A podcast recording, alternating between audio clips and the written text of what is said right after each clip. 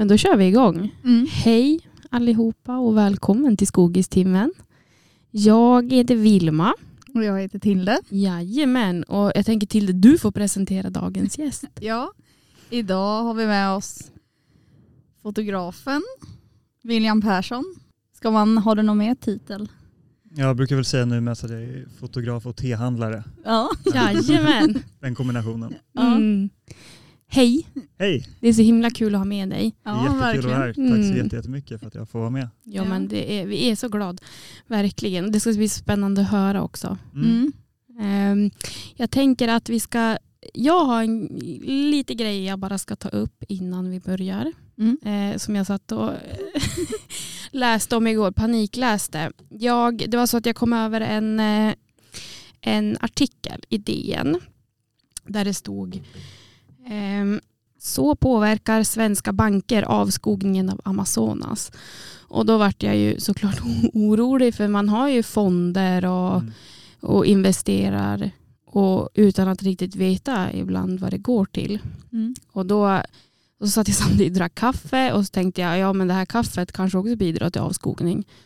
Så då satt jag och läste på lite och vill bara säga då att det jag kom fram till det är att ska man dricka kaffe då ska man kolla efter den här jag tror att det är en pilgroda. Det är en symbol med en pilgroda Mm. då ska man kolla efter den och det är den här Rainforest Alliance Certified och det är en oberoende organisation som arbetar för att främja eh, dels bönderna men också biodiversiteten och se till att minska problemet med avskogning där.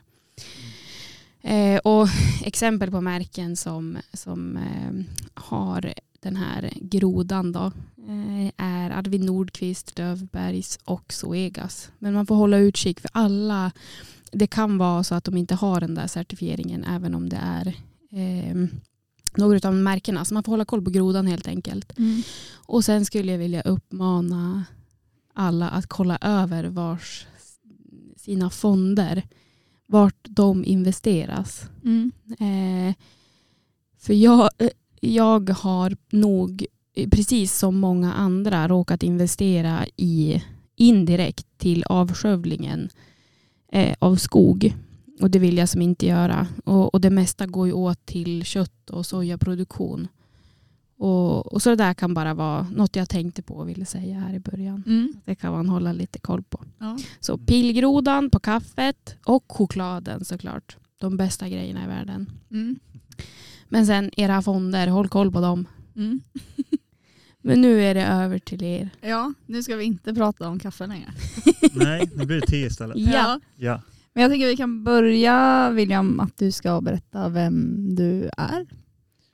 Ja, eh, William Persson heter jag och är som sagt fotograf och, och tehandlare nu. Eh, jag är delägare i ett teföretag som heter Montico och vi jobbar med vad vi kallar forest friendly tea, eller på svenska blir det då skogsvänligt te. Eh, vi har jobbat med det här i Thailand i tio år och har fem butiker där. Eh, så att allting, alltid när vi har jobbat med det här har varit på engelska så att mycket av det jag säger kanske blir lite, lite svengelska uttryck. Sådär. Ja men det gör ingenting. Ehm, nej, men vi jobbar med, med te helt enkelt som växer i skogen tillsammans med den biologiska mångfalden utan att bidra till någon ökad skogsskövling ehm, som inte behöver något bekämpningsmedel, som inte behöver något konstgödsel och inga bevattningssystem heller. Ehm, så det är lite korta Mm. drag. Häftigt. Mm. Ja. Och din eh, fotografkarriär då, hur kommer, Ja, spelar den in i det här? Det, var, det var lite så jag ramlade in på hela det här med te. Ehm, jag pluggade i Uppsala för kan det ha varit, fyra år sedan. Ehm, statskunskap, nationalekonomi ehm, och eh, gillade inte det jättemycket. Eh, och samtidigt då under de här studieåren så började jag fota. Eh, och det började med att jag började plåta mina vänner, plåta fester och sen har jag ett ganska stort naturintresse också. Så det slutade med att jag satt där under mitt andra år och, och under alla föreläsningar bara kollade på National Geographics hemsida istället för kollade på föreläsningarna och, och drömde mig bort om, om de här fotografernas häftiga liv. Och som tur var så har jag en, en morbror då i Thailand som håller på med det här T-projektet. Så jag, jag ringde och snackade lite med han. Och då sa han, "Nej, men ta, en, ta en paus då om du vill och, och kom ner hit och hjälp mig dokumentera allt vi håller på med här nere. Och det tyckte jag lät fantastiskt. Så att, eh, jag tog väl den där pausen, eh, Mm. om man kan säga så, som blev permanent nu. Jag tror inte det är så mycket av en paus längre. Mm. Um, åkte ner till Thailand för att eh, fota och, och filma allt vi håller på med där nere.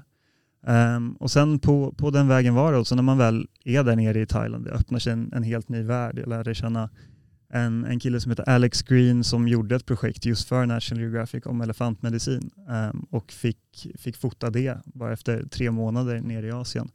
Så att jag ändå fick, eh, fick göra saker för National Geographic direkt, Mm. vilket var väldigt häftigt. Ja, otroligt. roligt. Jag undrar, jag undrar direkt, vad, eh, vilka fotografer inspirerar dig och vad inspireras du av? Alltså, då var det verkligen mest Paul Nicklin och, och Christina Mittermeier, Ja. de, de två stora Mm. power couple där i, den världen. Verkligen. ehm, som, som jag verkligen inspirerades av. Jag var i, i New York 2017 och, och besökte deras galleri de hade där då. Och eh, då träffade jag Christina där inne på galleriet och fick, Oj. fick ta en liten fanbild med henne. Ehm, och sen så hade de en utställning på Fotografiska i Stockholm så var jag där också. Och, eh, och stannade sist i kön efter man hade fått så här saker, fått autografer på, på planscher och sådär. Och eh, fick min, min kamera signerad och Perfekt. Ja, verkligen. Så att, eh, nej men det, det är de två var då framför allt. Um, sen har det där utvecklats lite under tid och jag, jag följer inte lika slaviskt längre alla, alla andra fotografer som är ute och gör saker. Mm. Eh, Men, men de två framför allt. Ja, häftigt. Ja. Och vad inspireras du av när du ska ta? Alltså hur, hur hittar du inspiration och vad vill du helst fotografera om du bara får välja en grej? Alltså det var det som jag tyckte var så häftigt med, med den där världen i, i conservation photography som det kallas. Det var väl det jag ville bli, en conservation photographer. Att man kan använda bilder ehm, för att försöka påverka världen och, och göra en, en skillnad till det bättre. Ehm, och, och det behövs ju att man, man ska kunna sprida budskapet och kunna få människor att, att ta till sig eh, och göra det intressant och göra det snyggt. Men framförallt att man, man gör en skillnad eh, var det som intresserade mig mest. jag glömde frågan lite. Nej men det var ett jättebra Ja, svar. Ja. men om du har något favoritmotiv typ, att ta kort på. Alltså jag tycker, jag tycker det, det mest intressanta tycker jag är människor. Och Mm. Det är väl det också i den här världen av conservation photography så tycker jag att det handlar mer om människor än vad det handlar nästan om natur och djur. Jag är inte världens duktigaste djurfotograf skulle jag säga. Jag är inte heller så intresserad just av eh, wildlife photography. Utan conservation photography för mig handlar mer om sättet vi, vi människor påverkar naturen, hur vi kan göra saker bättre och också dokumentera hur vi gör saker dåligt. Men just för att kunna skapa en, en förändring. Så, så människor är, är det viktigaste för mig i mitt arbete. Mm. Eh, Och det kommer tillbaka i, i det vi håller på med med T också. Det är människor som är centralt i allting. Ehm, så ja. Ja, vad spännande. Mm. Ja, ja, men jag vill jättegärna höra lite mer om kanske hur era teodlingar skiljer sig från konventionella Ja. teodlingar och alltså hur ser te, vad är en teplanta, hur ser den ut? Liksom? Jag vet inte, är det en buske eller är det Ja, men det där berättar jag jättegärna hur mycket som helst om. Eh, eh, te just nu i världen eh, växer framförallt på stora teplantage. Det är det, liksom, det, det te man dricker här i Sverige växer på stora te, industriella teplantage. Um, och då växer det som en buske um, som man beskär för att man vill få så många knoppar och unga blad som möjligt. För det är det man använder sen för att torka och göra själva tedrycken. mm. Men egentligen så är teplantan, när den har vuxit vilt i, i bergen i norra Thailand till exempel, men i, också i södra Kina, i Yunnan, i Assam, i nordöstra Indien, så är te, teplantan ursprungligen ett stort träd em, som växer där. Så att, det man har nu på de här stora industriella teplantagen kan man säga den domesticerade varianten av teplantan som Mm. var ursprungligen, lite som hund och varg. em, där man har hundarna här på te- teplantagen om man ska säga så. ja. Men, eh, nej, men så, så det, det är te hur det växer idag och, och de här teplantagen de, de behövs för att te är världens näst mest druckna dryck efter vatten. Det finns en enorm efterfrågan på te över hela världen och vi behöver kunna producera väldigt, väldigt mycket för att tillgodose den efterfrågan. Um, och det är de här plantagen väldigt effektiva på. Teet växer ganska fort, det går fort att plocka. Um, men man måste tyvärr hjälpa teplantan när den växer på det här sättet. Um, det kan vara dels genom ja, men pesticides, eh, bekämpningsmedel och det kan vara organic, det kan vara non-organic, men man måste hjälpa den på vissa sätt. Um, det kan vara gödsel, det kan också vara organic eller non-organic. Um, och vi ser mer och mer att man behöver bevattningssystem också i de här delarna av världen. För att det är där vi verkligen ser att det är längre, längre perioder av torka, um, längre kanske regnsäsonger också. Som, det, det är lite obalans mm. alltihopa. Nej, så att te på det sättet måste vi hjälpa, hjälpa. Och eh, Medan det vi håller på med med Forest Friendly Tea när vi odlar te i skogen istället. För att te växer väldigt bra i skogen tillsammans med andra växter. Det kommer ursprungligen därifrån. Dock så växer det inte lika fort och det tar mycket längre tid att plocka. För vi har en teplanta som växer i en viss del av skogen. Sen kanske man måste gå fem meter bort för att komma till nästa och fem meter till. Så att när man slår ut det över tid så blir det en väldigt stor skillnad på vad det tar att plocka ett kilo te. Mm. Men när vi gör det på det här sättet så behöver vi inga bekämpningsmedel. Ehm, det får vi gratis av naturen, av den biologiska mångfalden. Finns det någonting som vill äta vårt te så har vi tusen olika arter som vill äta det som vill äta vårt te. Mm. Vi har fåglar, spindlar, olika insekter. Assassin bugs är en av mina favoriter. Ehm, det finns väldigt mycket olika köttätande arter där i de här teskogarna. Mm. Sen så behöver vi inget inge gödsel eller konstgödsel heller. Vi får tillbaka näring från de stora träden när löv faller eller när insekter dör, när organismer dör. Det är ett, ett kretslopp helt enkelt. Ja, det låter ju verkligen som att det är, det är ett naturligt kretslopp. Ja, där.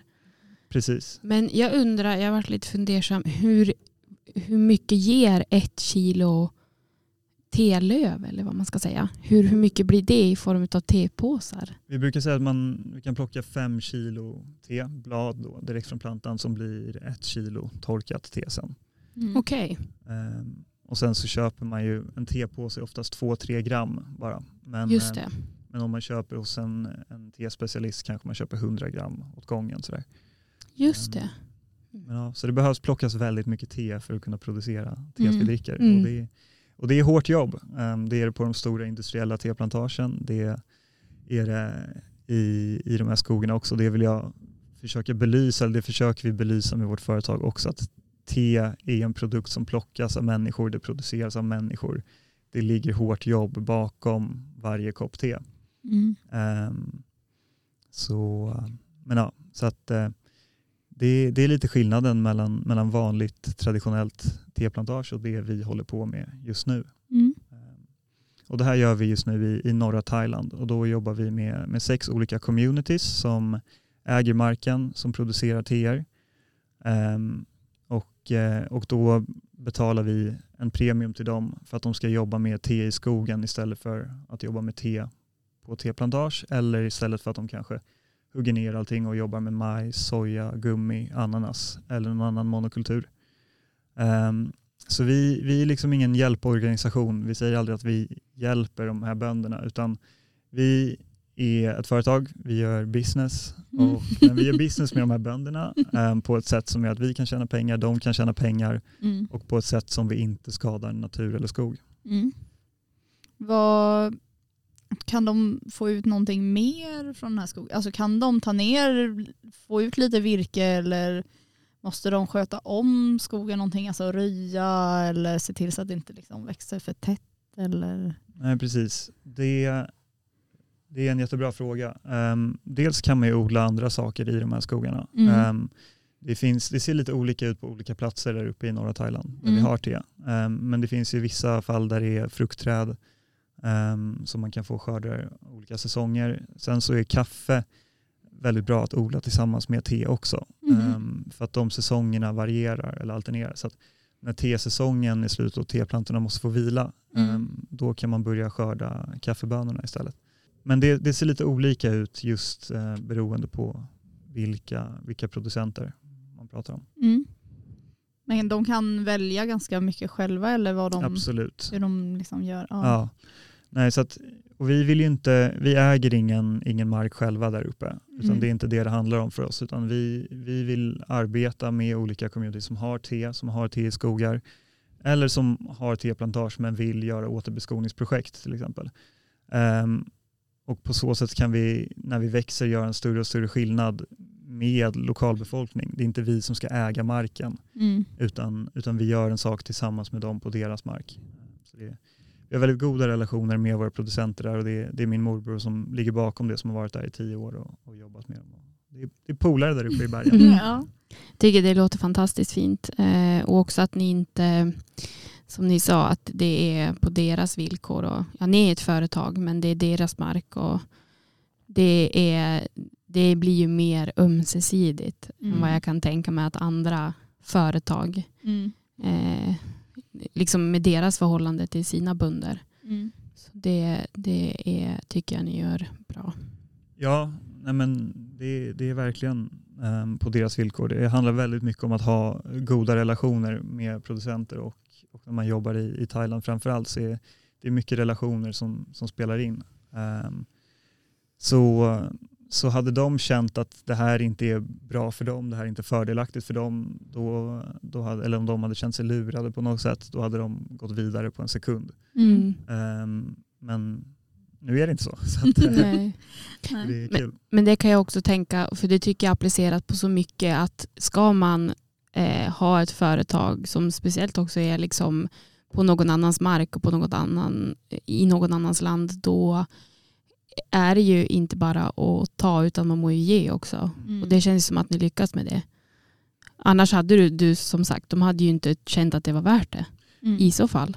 Nej, precis. Ehm, nej, det, det handlar verkligen mycket om det. Men, um, men att göra det på ett sätt också som, som är långsiktigt hållbart. Alltså det, det handlar inte om att vi kommer dit med, med bidrag för att göra något projekt eller så, utan det handlar om, om för oss att försöka vi vill sälja så mycket te vi bara kan så att Ja. vi kan köpa så mycket te som möjligt från de här producenterna. Mm. Ehm, så att, eh, Bibehålla en fin relation med dem ja. långsiktigt. Ja, och det är, det är liksom inget kortsiktigt projekt som tar slut efter fem år.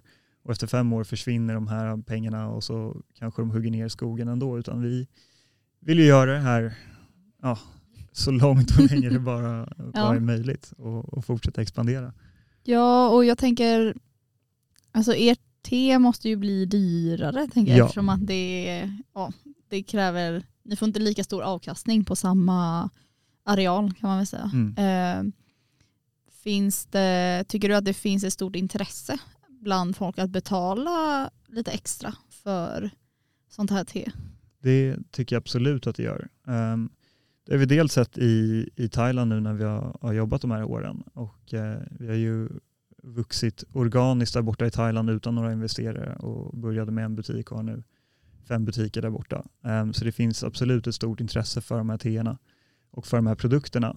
Ehm, men sen så, så är det, det är lite olika vad ska man säga, kundsegment. Ehm, vi kommer nog inte sälja våra teer på ICA eller Coop eller på, i dagligvaruhandeln. Mm. Um, utan vårt te blir kanske någonting, man kanske inte dricker varje dag, man får jättegärna göra det. Ehm, men det kanske blir någonting man dricker mer på speciella tillfällen. Det kanske blir något man bjuder gäster på när de kommer hem. Det kanske blir någonting eh, man gärna köper i gå bort-presenter, i julklappar, i födelsedagspresenter.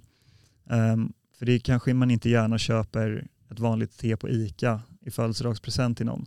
Mm. Men när det är en lite dyrare produkt som är, har en annan innebörd så, så finns det ett annat segment. Mm.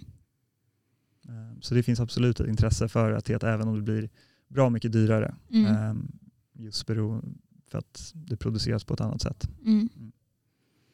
Ja. Ja, men, men eh, egentligen kan man ju vända på det. Jag var, jag var och kollade på ICA nu innan jag kom hit och kollade vad te kostar. Te borde ju kosta mer i- egentligen. Det är Alltså. väldigt billigt. Det är väldigt billigt. Ja. Alltså jag tänker som så här English breakfast, det lär väl vara, och Earl Grey lär väl vara Mm. de vanligaste. Mm. Eh, det kostar 12 kronor tror jag. Mm. En sån här för, lite, liksom, förpackning med 25 påsar eller vad det nu är. Mm. Hur kan 25 kronor, alltså vars, det är, eller för 12 kronor, det är ju ingenting Mm. egentligen. Så man kan ju vända på det och tänka att det borde vara dyrare. Mm. Nej, och då tjänar företaget pengar på det, deras leverantör tjänar pengar på Mm. det och man, man undrar liksom hur mycket av det där som sen går till den faktiska producenten Ja. eller till de Mm. som producerar och till de som plockar det. Mm. Det, det blir inte så mycket kvar i slutändan. Men Nej. så är, så är det ju också när man kan göra saker på en, på en väldigt stor skala. Då får man ju såklart helt andra marginaler. Ja. Men, men ändå, te, te tycker jag är allt för billigt i Ja. världen. Mm. Ehm, absolut. Mm. ja, det kanske är opopulärt att säga i, i svåra tider som är på väg att saker borde vara dyrare. Men, Ja men det är ju inte, te är ju inte högst upp på vår behovs... eh, Nej, Eller längst ner kanske man ska inte. säga i behovstriangeln. Man kan väl Nej. börja snacka om potatisen blir dyrare. Då, då kan det bli lite ramaskri. Men Ja. ja. Jag tänker, du har ju rest ganska mycket mm. eh, i olika länder och testat. Alltså har du, om du inte, nu får du inte säga då ditt eget te, men har du liksom något favoritte, jag tänker från något land, eller så, man pratar ju ändå om så här, japanskt te, koreanskt te eller kinesiskt te Mm. eller kanske något helt annat. Ja, jag har rest en, en hel del runt i teproducerande länder eh, i Sydostasien och Asien. Ehm, jag hade planer på att göra mycket, mycket mer men sen kom covid där. Jag hade Mm. en, en stor resa planerad till Assam i nordöstra Indien där jag skulle åka runt och, och besöka olika teodlingar och, och lära mig mer om det. Men, eh, men jag har varit i Japan och eh, spanat in teodlingar där och eh, jag tycker väldigt mycket om japanska teer. Mm. Ehm, det, är, det är en helt annan kultur med helt annan smakprofil än, än det vi gör. Men, men jag skulle nog ändå säga att om jag får välja några andra teer så är det japanska gröna teer. Mm. tycker jag är väldigt härliga. Mm. Men det har också varit kul på de här resorna och, och just att se skillnaden på vanliga teodlingar, vanliga teplantage. När jag var där i Japan, även om jag gillar teerna, så gick jag runt där på teplantagen och, och försökte leta insekter. eh, för det är en sak jag alltid gör uppe i, i skogarna där i Thailand. Ehm, och jag letade och letade, jag hittade ingenting. Mm. Ehm, och det, det var lite tråkigt. Och då när jag kom tillbaka till Thailand då och åker upp i skogen och ja, blir överrumplad av hur mycket insekter och liv det är så, så förstår man också vilken, vilken skillnad det är Mm. på, på te och te. Men, men det kan bli väldigt mycket när man är där uppe i, i skogarna i Thailand med insekter och, och spindlar och, och spindelnät. Och, Ja, just det. eh, framförallt då stora, stora spindlar. Det finns spindlar som är en golden orb weaver som blir 20-25 centimeter från ben till ben så de blir ganska Mm. Men- långa. Ja. Ehm, och så går man runt där i skogen och helt plötsligt har man den 5 centimeter framför ansiktet. Eh, är den giftig? Det är inte dödligt. Okej. Hoa. Ja. Ja, Men jag, måste, jag tänker också att ert te måste också, även om ert te kanske mer motsvarar, vad ska man säga, nu vet inte jag det, men europeiskt te, för det är väl därifrån, det är väl de länderna där det produceras det teet som vi dricker här, så borde ju ändå ert te ha en annan smakprofil också för att det växer långsammare och får mer från marken eller vad man ska säga. ja. absolut. Så är det. Så att vi har ju två saker. På engelska säger vi pure and flavored. Jag har inte riktigt kommit underfund med hur jag ska prata om det på svenska, men, men smaksatta teer och icke smaksatta teer. Mm. Ehm, Så de flesta teer man köper på ICA kanske det är smaksatta teer. Earl Grey till exempel är ett svart te med bergamott som är en citrusfrukt. Men sen så har man ju också icke smaksatta teer där smaken bara kommer från tebladen. Så um, just från våra icke smaksatta teer så, så blir det en väldigt annorlunda smak eh, för att det växer som det gör. I Mm. vinvärlden snackar man om terroir, hur det växer med vad för saker som växer omkring. Eh, växer det nära vatten, hur mycket har det regnat och så vidare. Så att och det, det funkar lite på samma sätt i tevärlden. Så att så här, te, teälskare, sådana som verkligen nördar in sig i kinesiska och japanska teer, då, om man testar våra icke smaksatta teer så blir man lite förvirrad för det kanske inte är någonting man riktigt har helt full koll på. För att Mm. skogen ger en ganska speciell unik smak som inte riktigt går att sätta fingret på på samma sätt. Mm. Um, för i de här tekulturerna som man har verkligen förfinat teer över, över lång, långa perioder i, i Kina framförallt, um, så har man, de är, har varit så otroligt duktiga på att förfina och förbättra och, och få fram väldigt tydliga smaker. Um, våra smaker är väldigt goda men de är inte, inte lika tydliga. Mm. Um, Ja. ja, jag tänker, eller vad är det som, Alltså de måste ju växa mycket mer i skugga eller, och fuktigare. Ja, precis. Ehm, nej, men så är det ju. Så att, så, och då växer det långsammare ehm, och det gör att, att tebladen får en, en annan smakprofil. Mm. Eh, så att det, det är annorlunda. Man får testa det och se om man tycker om det. Ja. Ja, häftigt. Jämföra lite. Mm. Mm. Men det blir väl en form av, alltså när det både är te och träd, eh, vad, vad kallas det? Det är väl någon slags eh, eh, agroforestry, precis. Och Mm. där ni är, finns det flera, eh, vad ska man säga, alternativ där på agroforestry som du har sett? Än just te och träd. Ja, precis. Ehm, det finns ju ganska mycket man kan göra um, under agroforestry. Det finns väldigt många för- företag och organisationer och, och som jobbar med det här väldigt, väldigt mycket. Um, sen så det vi gör med te försöker vi göra på en, en större skala än, än vad någon annan har gjort och någon annan gör. Um, och sen så har Thailand en, en ganska unik tekultur också. Um, just att te det är ett område där te kommer ifrån. Um, så funkar det väldigt bra att göra med te. Men, uh, men till exempel jag var i Peru förra året vid den här tiden ungefär. ehm, för att åka dit med, med en kompis och, och fota och filma och göra ett litet projekt om uh, Brazil nuts, paranötter. Mm. Ehm, mm. det är mina favoritnötter. Va?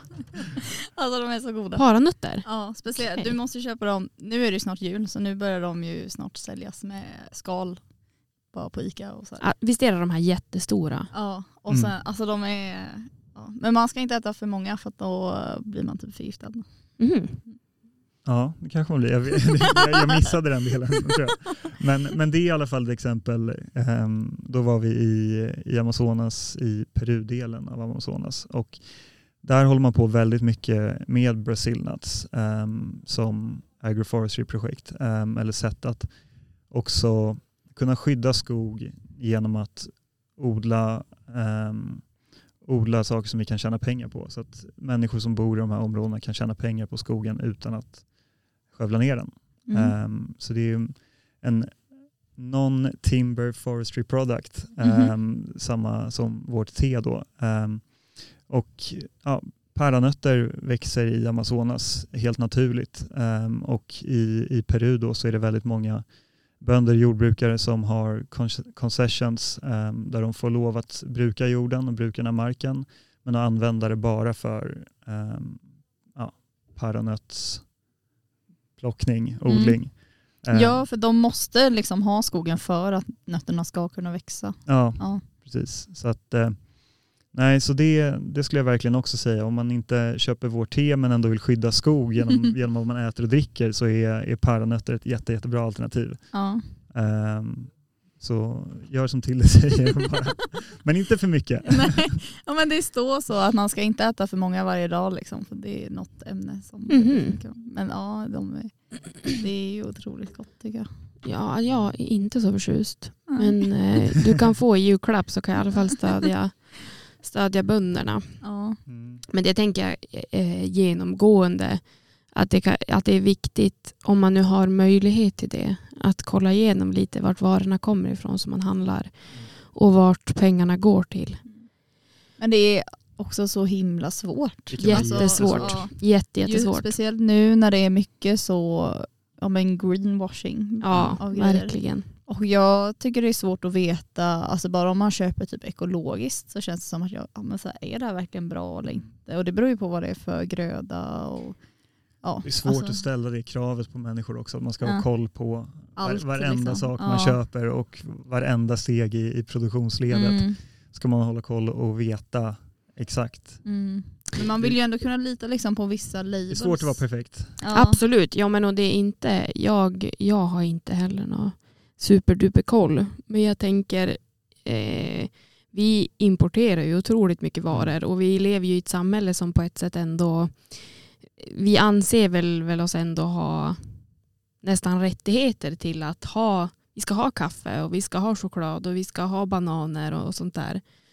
Och ehm, i i stor utsträckning så är det ju företag som exploaterar Mm. eh, människor, marker och länder. Och som sagt, har man möjlighet då tycker jag man kan sätta sig in i vad det är man handlar. Ja, absolut. Och jag tänkte, jag dricker ju inte kaffe men jag dricker ju mycket te istället. Mm. Men det är verkligen en sån här grej jag tänkt på. Jag köper ju mer så örtteer, alltså Mm. typ brännässelte och maskroste jag börjar Mm. dricka. Eh, för jag tänker att det är ju- då kommer det ju liksom från Sverige. Och sen kan man dricka ja, Där men- kan du ju börja plocka och torka själv Ja också. exakt, jag Ja. tänkte att jag ska ja, börja göra eget liksom. Det absolut Nu- mest hållbara. Ja. Mm. Men eh, Ja, nej men och, jag menar inte att man ska sluta. Eller jag kommer inte sluta dricka kaffe. nej. Men, eh, men eh, jag kan ju dricka lite mindre kaffe kanske. Mm. Och köpa lite dyrare då, så att pengarna går till de som ska ha det. Mm. Eh, som, som med mycket annat. Liksom. Mm. Eh, men eh, nej, ja, det var bara, jag fick som en sån liten ögonöppnare igår när jag satt och läste om det där med fonderna till bankerna. Att man inte egentligen vet vart, vart det investeras. Och det där tycker jag kan appliceras på ganska mycket. Mm. Eh, Det kan vara svårt det här med, förlåt Nej. Eh, men det kan vara svårt det här med, med certifieringar också. Mm. Och veta, är det här verkligen någonting man kan lita på? Jag Mm. vet inte, jag är inte helt insatt i hur det ser ut i er del av skogsvärlden här med FSC-certifieringar ehm, och, och hållbar skogsproduktion sådär. Men som jag förstår så det, kan det vara lite tveksamt ibland. Att, Jajamän. att- Så är det. Ja. Milt uttryckt. Mm. Ehm, så, um, och det, det vet jag gäller samma mycket med organic certifieringar ehm, Mm. runt te och kaffe och, och kakao också. Mm. Ehm, så vad ska man göra? Ja, Ehm, nej, det är exakt. det, det är jättesvårt. svårt. För oss, Ja. för oss liksom, jag vill försöka vara så, så transparent och, och genomskinlig som möjligt. Jag vill också försöka ta våra konsumenter så nära produkten som möjligt. Ehm, I Thailand är det lite lättare, då kan vi ta folk upp i bergen till de här skogarna, till områdena. Um, det vill vi kunna anordna sen från Sverige också, resor. Det blir inte alls lika lätt. Men, men då är det väl upp till oss att försöka genom vår hemsida, genom sociala medier och försöka bara, bara vara så ärliga som möjligt. Det tycker jag är, är det bästa, att man kan få en sorts direktkanal till områdena, eh, till människorna. Mm. Men det är kanske inte så jättemånga storföretag som vill jobba på det sättet. Eh, Nej.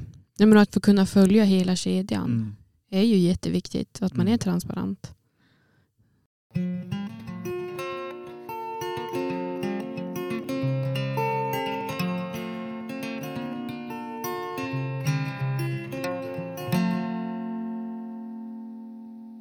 Utan vi har tagit fram um, vår Forest Friendly Tea-stämpel ehm, som har lite andra parametrar för, för vad vi tycker är tillräckligt och vad vi tycker är bra.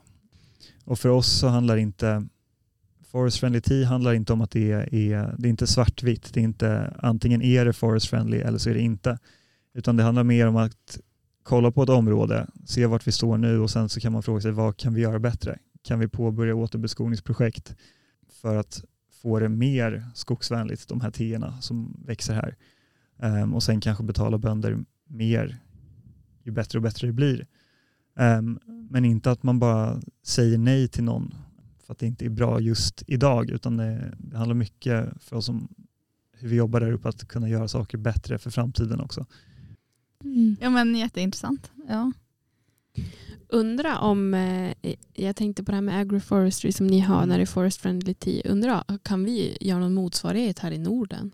Alltså jag, tänk, för jag tycker det är jätteintressant med agroforestry och Verkligen. typ skogsbete och sånt där. Och det, vi gjorde ju lite sånt förr eh, när vi var så mer om jag menar, nybyggare. Typ. Ja men bönder, Eh, ja. väldigt mycket bönder. Eh, men jag tror att det är mycket svårare här för, eftersom att vi Alltså det är kargare, saker växer så långsamt och det är väldigt svårt att få någon slags lönsamhet. Mm.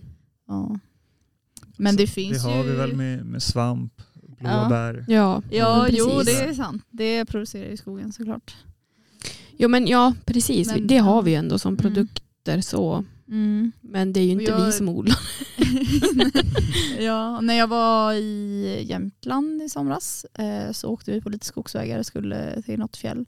Då var det ett gäng kor som kom och gick förbi som Mm. var ute på skogsbete. Liksom. Och de gick helt löst med bara lite klockor. Mm. Underbart. Ja, det var jättemysigt. Men då tänker jag att man har, då är det nog mer än liksom, alltså att man gör det kanske av kulturella anledningar eller Jag, jag har ett litet projekt eh, hemma där jag odlar äpple och havtorn. mm. Eh, det är ju inte i skogen men det är in till skogen och det är, ja, det är ju på gränsen till eh, fjäll, fjället. Eh, och jag tycker det där är så spännande att se vad som egentligen funkar för jag tänker att mycket av det vi gjorde förr kanske har glömts bort. Och det hade varit roligt att se vad som egentligen går för jag tror nog att man kan få till saker Mm. som man kanske inte tror växer där uppe. Mm. Nej, så man får, man får experimentera sig fram lite. Men det vore ju fantastiskt om man kunde få djuren att få gå i skogen och få äta lite mer där. Mm. Men det lär inte bli lika effektivt Absolut Som- inte. hur vi gör idag. Mm. Nej. Det lär bli bra mycket dyrare. Ja, Ja. men det får väl kosta mer då. Mm. Ja, men då blir det där, vi, alltså vi är så många människor och vi behöver ju liksom producera Mm. mycket. Och, ja, det, ja, jag tycker det är så knepigt. Mm. Eh, men eh, ja, jag tänker det att det kan finnas lite mer av olika grejer. Liksom. Allt behöver inte göras. Ja, men lite mer småskaligt kanske Ja. också. Att Mm. man inte, det här med stora företag, det, ja, skulle behöva lite mindre. Ja, ja, men skulle behöva mindre företag och, och liksom mer, vad ska man säga, eh, produkter där processerna får tag i lite tid. Mm. Och kanske kon- konsumera lite mindre. Mm. Nej, men att hitta lokala, lokala bönder som erbjuder någonting närodlat Mm. är det absolut bästa man kan göra. Mm. Och hade vi haft te i Sverige i en större skala så hade vi ju haft, så hade vi jobbat med te från Sverige. Det, Ja. Nu finns ju inte det riktigt. Men, eh, men det är också vår plan att om vi sen expanderar och öppnar en butik i Vietnam till exempel, då vill vi bara jobba med te från Vietnam. Vietnam är ett teproducerande land. Då finns ingen anledning att vi ska ta te från Thailand Mm. eh, dit. Samma sak med kanske Indien eller Sri Lanka. Ehm, vi var på Sri Lanka för ett par år sedan faktiskt och eh, besökte ett övergivet teplantage. Ehm, för Sri Lanka, där finns inte teet ursprungligen. Det, det växer inte vilt där utan det var britterna som tog dit det eh, från Indien. Så att eh, egentligen ska det bara finnas de här traditionella stora industriella teplantagen på Sri Lanka men det finns ett berg hittade vi där, där ett 300 år gammalt övergivet teplantage där skogen har tagit tillbaka helt och hållet. Mhm. Ehm, Vad häftigt. ja, så att te växer som att det var vilt där inne på det där berget. Mm. Eh, så skulle vi börja med te från Sri Lanka skulle vi använda det teet. Eh, men nej, lokalt är absolut. Mm. Mm. Men är tanken då att ni, om ni expanderar till Mm. olika länder, att ni ska ta med principen att det ska vara skog och te? Absolut. Ja. Nej, utan det, det ligger till grunden för allting. Mm. Så att eh, min morbror som startade, han började jobba med te 1994 i Spanien och öppnade eh, tebutiker i Madrid eh, för ett företag som heter T-shop. Eh, han startade det med en kompis och de har nu 90 butiker i Spanien och, och Latinamerika. Så där. Men, eh, men han säger ofta att han, han var en tegubbe förut men nu är han en skogsgubbe som bara använder te som ett sätt att skydda skog. Mm. För det är där han har kunskapen. Eh, Mm. hade han jobbat med kaffe hela sitt liv så kanske det var kaffe vi hade gjort istället. Ehm, men nu är det te han har kunskapen inom. Ehm, så, så te är bara ett, liksom ett, ett redskap för oss ehm, för att skydda skog. Mm. Ehm, hur kan vi skydda skog och, och tjäna pengar på att behålla skogen stående? Helt enkelt. Eh, vad det kommer tillbaka till. Mm. Mm. Gud vad spännande. Ja, verkligen. Mm. Jag tror att det, eller jag hoppas att det, alltså sådana verksamheter kommer ju mer och mer. Alltså Mm. hur kan man, vi har ju pratat om det lite i vår utbildning, det här med om man har skog i Sverige till exempel, kan man få betalt för att låta den stå? Mm. Eh, till exempel som en sån, alltså stora företag ska ju så klimatkompensera på olika sätt och då kan det vara som, ja men vi planterar skog i Sydamerika typ. Mm. Men varför kan de inte betala för att låta skog stå i Sverige istället? Eller, Ja, jo, men precis. Och skogsägare kan man eh, kompensera och ja, men kanske plockhugga skogen istället eller kan Mm. man satsa på naturturism? Eh, Kan man eh, ja, alternativa metoder helt enkelt. Mm. Och det tror jag verkligen behövs. Och, det är väl otroligt bra att ni, på ett sätt, ni går ju före och visar vägen. Ja, Och jag tror att ert sätt kan appliceras på väldigt mycket annat.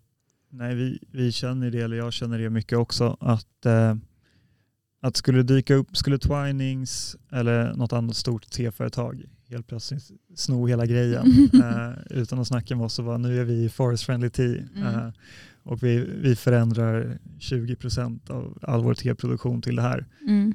Eh, det hade ju kanske varit lite tråkigt att inte få ta del av det men då, då vet vi i alla fall okej vi har påverkat Mm. den här tevärlden på ett visst sätt. Eh, och det tar jag alltid med mig att det känns ganska lugnt om, om andra också börjar med samma sak och, och det, det blir större och får ett större genomslag. Att då, då har det i alla fall blivit bättre.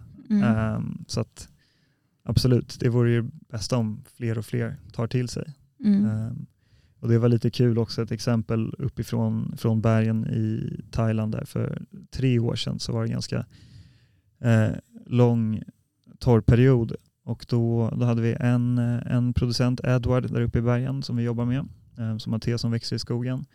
Och under den här torkan då så teet i skogen, det växte hur bra som helst. Det var inga problem alls. Allting var frid och fröjd. Men ute på teplantagen runt om där i bergen så dog eh, teplantorna som flugor. Och så hans polare som också producerar te fast på det vanliga sättet såg ju vad han håller på med. Mm. Ehm, och så började de helt enkelt påbörja återbeskogningsprojekt själva utan att vi någonsin har sagt till dem att göra någonting. Eh, utan de bara såg att det funkade bättre. De började, så det har spridits här i bergen också, hela idén. Eh, bara naturligt, vilket är väldigt, väldigt kul att se. Mm. Ja, häftigt. Men jag tyckte det var lite intressant det, det du sa till det förut. Ehm, och det får ni, jag vill ju jättegärna lära mig av er också. Mm. Det här med att eh, man kan klimatkompensera genom att behålla skog eh, istället för att bara klimatkompensera som man kanske ofta gör genom att återplantera skog. Det jag tänker på där är, liksom, vad händer, säg att, säg att vi skulle ha något vanligt te och sen så klimatkompenserar vi genom att bara köpa en skog och inte skövla den. Mm. Ehm, Men vad händer sen när, när vi avslutar vårt projekt Mm. efter tre år? Jo, absolut. Det, är, alltså det finns ju verkligen... Då har vi tagit cred för någonting, att vi Ja. har skyddat den här skogen. Den, har skyddats i tre år Mm. samtidigt som vi har sålt våra produkter. Mm. Ehm, Ja, och det finns, jag tänker att det finns ju jättemycket. Det är som när jag ska köpa en flygbiljett typ och så är det Mm. så betala 10 kronor för att Mm. klimatkompensera typ. Och jag må, då kan jag känna så här, ja fast jag kanske bara inte borde flyga. Eller? ja, det tror jag är bättre. ja. Eh, Så att ja, absolut att det är en så liksom goodwill-grej, alltså PR-grej typ. Eh, Men samtidigt så kan det ju vara ehm, Alltså det beror på, alltså jag tänker i vissa fall är det bättre än inget. Mm. Kanske alla, för, alltså alla grejer, eh, som du säger så behövs det kanske vanliga teodlingar för att liksom möta efterfrågan. Mm. Eh, och då kanske de inte, de kanske inte kan ha liksom forest friendly tea till exempel och då kan de ändå göra någonting kanske. Absolut. Ja, så det, det är en svår fråga verkligen. Det blir lite som det här med certifieringar igen. Att, Mm. eh, ja, vilka certifieringar kan man liksom lita på och vilka känns som att det bara är greenwashing. Mm. Jag tycker det var roligt om ni såg det kanske var igår eller nu i veckan med Arla. Eh, och eh, de har ju gått igenom en rättegång här där de har blivit, eh, jag vet inte om de har blivit stämda eller fått tillsägelse. De har ju haft sin netto noll klimatavtryck har det stått på alla förpackningarna senaste Mm. åren för att de har hållit på med något återbeskogningsprojekt Mm. eh, runt om i världen. Men nu så får de inte ha det längre, att det ska stå netto noll klimatavtryck. De blev fällda för det. Ehm, Men det var kul, nu gick de ut så att då avslutar de alla projekten. Oj. då är det De inte värt mer Nej, om de, inte kan sa ha på förpackningen. Om vi inte kan berätta om det någonstans så Ja. finns det ingen idé för oss att göra det. Ja. Så det, nu är det avslutat. Mm. Ehm, Fint. Ja. ja, och det är väl verkligen det där som blir risken med att man så, ja men nu vi liksom nu sparar vi den här skogen i 25 eller 50 år. Mm. Men sen när de 25 eller 50 åren har gått, liksom, vad, då kanske man bara hugger ner den. Men Ja, 25 och 50 år det är ändå ganska bra, långa perioder.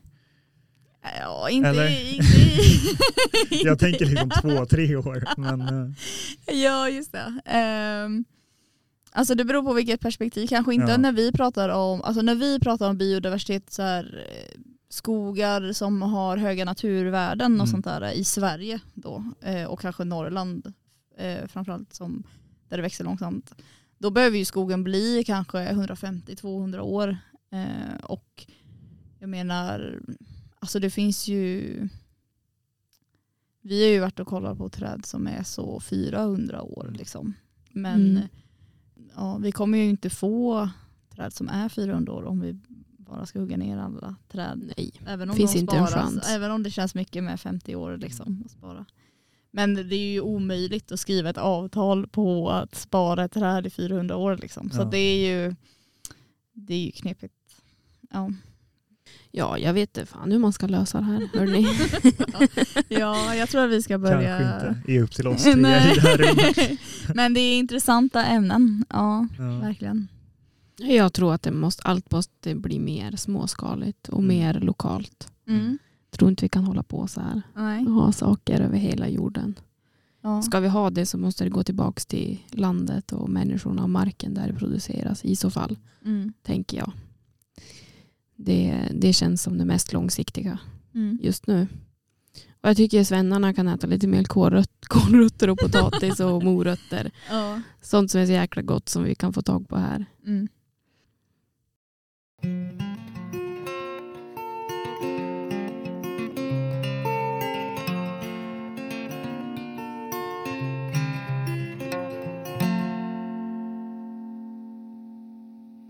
Och, eh, På det här lokala temat då, då kan jag, jag kan tipsa om, alltså Umeå har ju, nu är ju den slut men nästa höst så drar ju Bondens marknad igång igen. Det är ju varje helg. Eh, och sen så finns det ju en rekoring i Umeå och det finns ju på massa ställen i Sverige. Och där är, det är ju lokala bönder som Ja, men- en liten marknad Ja. eller man kan beställa så. Upps, det är ju ett upphämtnings uppsamlingsställe för Ja. lokala bönder där man kan beställa då via Facebook är det oftast. Ja, deras precis. varor. Så bor man till exempel i Umeå då, då går man in på Facebook och söker man på Rekoring Umeå. Men det finns i alltså, säkert alla större städer i Sverige. Så det är mitt tips. Då. Jättebra tips. Ja. Ja, du kommer på någon William. Jag sitter och tänker hårt. Ja. Jajamän, men jag eh, har två tips. Jag, har, jag börjar kolla på en serie som heter Yellowstone. Och den är, ja, det är väl ganska klyschigt och ganska, ja, jo men lite klyschigt är det. Men så här, om man vill se cowboys, Mm. eh, Moderna cowboys. ja, Och det vill man ju. i linnen, Ja. Fina omgivningar, hästar, Mm. Rasism. Eh, ja, rasism, eh, modern kolia, kolonialism, kolonialism, ja, Kolonialism. kolonialism. Men framförallt cowboys i linnen. Då tycker jag man kan kolla på Yellowstone.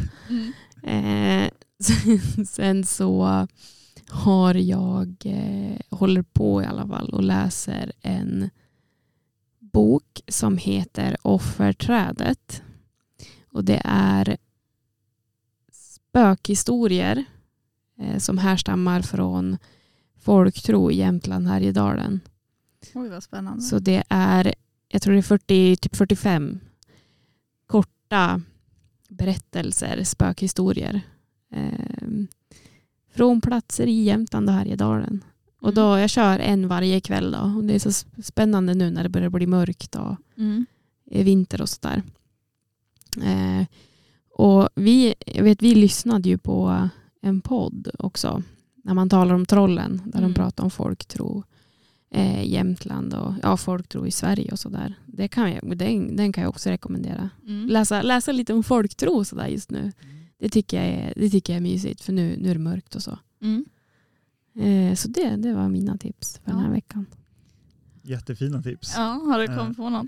Ja, men jag får väl tipsa om, om lite fotografi här i podden. Ja. Ehm, och då skulle jag vilja tipsa om en fotograf som heter Vivian Mayer ehm, som jag tycker är otroligt fascinerande. Hon lever tyvärr inte längre, men eh, hennes verk lever kvar. Och det vet jag inte riktigt om hon ville eller inte, för det här var en kvinna som ägnade hela sitt liv åt att fotografera på fritiden. Hon tog väldigt mycket självporträtt och väldigt mycket gatubilder.